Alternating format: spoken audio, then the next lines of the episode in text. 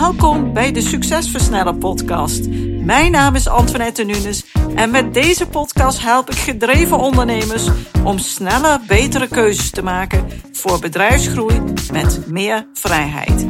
In deze podcast deel ik tips, kennis en heb ik gesprekken met andere succesvolle ondernemers om jouw succes te versnellen, wat zorgt voor meer tijd, meer voldoening en meer winst. Let's go! Leuk dat je weer luistert naar een nieuwe aflevering. En vandaag, deze aflevering, neem ik op samen met Huub.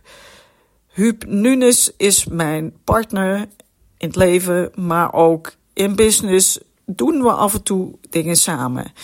En vandaag wil ik het met jou, en dus ook met Huub, hebben over de vraag: wat is er nog meer mogelijk? Vaak als iets tegenzit, uh, als we een onderzoekje doen, als we iets voor elkaar willen krijgen, dan lukt dat niet gelijk. Dan komen we niet gelijk uit waar we willen uitkomen. En dan laten we ons als het ware een beetje uit het veld slaan. En ik wil je inspireren en motiveren om jezelf wat vaker de vraag te stellen: wat is er eigenlijk nog meer mogelijk? Want heel vaak zien we niet direct wat er meer mogelijk is, terwijl er wel allerlei mogelijkheden zijn. En om je hier wat beeld bij te geven, hebben wij samen een mooi voorbeeld uh, wat we graag willen uitleggen aan je. Het gaat om een klant die we gezamenlijk begeleid hebben. Ik natuurlijk vooral op het deel om het bedrijf onafhankelijk van de ondernemer te maken. En Huub met name uh, meer specifiek op het financiële deel en het verkrijgen van een financiering voor verdere groei. Omwille van de privacy noemen wij geen bedrijfsnamen, ook niet om wie het precies gaat, maar willen we je echt inspireren met het voorbeeld. En dit bedrijf, deze ondernemer, richt zich op de consument. En hij heeft al twee filialen en hij wilde een derde filiaal openen. Nou, dat verhaal ga ik nu uh, met je delen samen met Huub. Huub, hoe ging dat? Wat gebeurde daar precies? En dan met name gericht op de vraag: wat is er nog meer mogelijk? Ja, wat is er eigenlijk nog meer mogelijk? Nou, deze klant die gaf ons de opdracht om. Uh, hij had al twee filialen en hij wilde een derde vestiging openen. En hij heeft ons gevraagd: oké, hoe kunnen we dat het beste doen? Moet ik een bedrijf overnemen? Verder andere mogelijkheden. Dat hebben we met hem doorgesproken. We hebben een, um, een SWOT-analyse van de hele organisatie gemaakt. En uh, op grond daarvan hebben we eigenlijk het besluit samen met de ondernemer genomen dat er een een vestiging erbij zou kunnen en moeten. We hebben daar de plannen voor gemaakt. Uh, we hebben de, de ondernemingsplannen geschreven. En we zijn met het plan naar de bank toe gegaan. En uh, nou, we hebben zeker toch wel een maandje of twee met de bank gestoeid over de financiering. Maar uiteindelijk wilden ze niet het bedrag financieren wat we nodig hadden.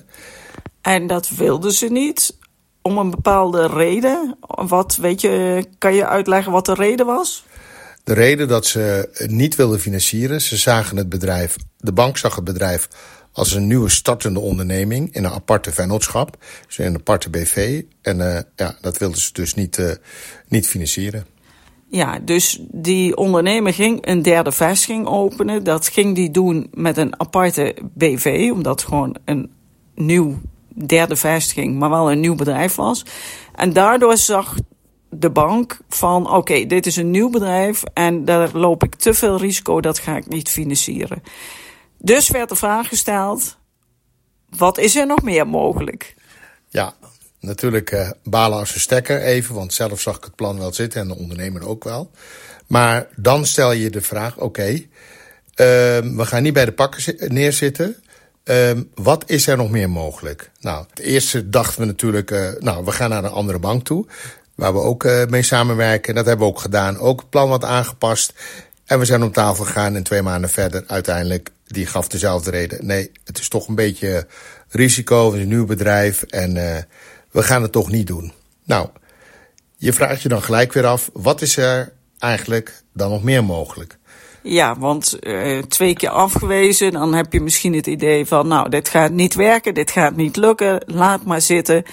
Maar nee, blijf jezelf die vraag stellen: wat is er nog meer mogelijk? Want dat hebben wij ook gedaan. Heb je samen met de ondernemer gedaan. En uiteindelijk heb je een heel ander plan bedacht. Dus vertel. We moesten dus het plan dus eigenlijk uh, overwogen om het plan te gaan afblazen. Dus ik heb contact opgenomen met de verhuurder van het pand. Nogal een groot pand. Die was, neem ik aan, ook de eigenaar van het pand? de verhuurder was, is ook de eigenaar van het pand. En uh, ja, eigenlijk ging het met naar hem toe om uit te leggen dat dat uh, toch even wat moeilijker was. We moesten nog iets anders bedenken. Maar ik heb hem ook gelijk gevraagd van nou, um, van oké, hoe kijk jij er tegenaan? Ik heb hem benaderd om ook, zeg maar, in de, ik heb hem in de plannen betrokken. Van dit gaan we doen en om deze reden lukt het niet. En die verhuurder-eigenaar die wilde natuurlijk ook zijn pand verhuren. Dus ik heb hem gezegd, nou weet je wat, eh, als we nou het pand uh, de verhuurbaarheid makkelijker maken en ook de waarde van het pand kunnen laten stijgen, ben je dan bereid om te investeren daarin? Nou, dat zag hij al gelijk zitten. En uh, we hebben toen met hem een deal kunnen sluiten dat hij een belangrijk deel van de investering, dat was natuurlijk de aanpassingen aan het pand, dat heeft hij gedaan voor zijn rekening. En uh, zo hebben we het project toch nog kunnen financieren en kunnen draaien. Dat is inmiddels een jaar geleden. En ik, de winstgevendheid is enorm. Het is een groot succes geworden. En um, ja, het is, we hebben toch wel uh, een ongeveer een kleine 600.000 euro aan winst dit jaar behaald. Doordat, we het, doordat het ons gelukt is. Ja, dit is dus een voorbeeld van wat is er nog meer mogelijk. Door andere oplossingen te zoeken. De bank wilde niet meewerken toen contact gezocht uiteindelijk met de eigenaar van het pand. Die gevraagd of die zich als ondernemer uh, wilde opstellen en wilde meewerken om dan een stukje van de financiering voor zijn rekening te nemen, waardoor het pand meer waard werd, waardoor hij een huurder voor lange termijn had die met mooie plannen, waar hij natuurlijk ook wel vertrouwen in had. En uiteindelijk is het dus gelukt en is het ook heel succesvol. Dus met deze podcast What else is possible? Wat is er nog meer mogelijk? Wil ik je inspireren om niet te snel uh, ja, een no for answer te nemen, maar gewoon echt nog even door te gaan, even door te zetten en te kijken. Wat is er eigenlijk nog meer mogelijk? Want soms liggen de oplossingen niet direct aan de oppervlakte. Weten we niet precies wat de ideale oplossing is, maar door ermee bezig te gaan, komt die ideale oplossing als vanzelf naar boven. Dankjewel voor het luisteren. Ik hoop je weer geïnspireerd te hebben. En heel graag tot de volgende aflevering van de Succesversnellen podcast. Bedankt voor het luisteren naar deze aflevering van de Succesversnellen podcast. Wil je vaker geïnspireerd worden over het versnellen van jouw succes en waardevolle kennis en tips krijgen over bedrijfsgroei, focus en productiviteit, als ook goede gesprekken met andere succesvolle ondernemers beluisteren? Abonneer je dan op deze podcast. Je ontvangt dan een berichtje als er een nieuwe aflevering voor je klaarstaat.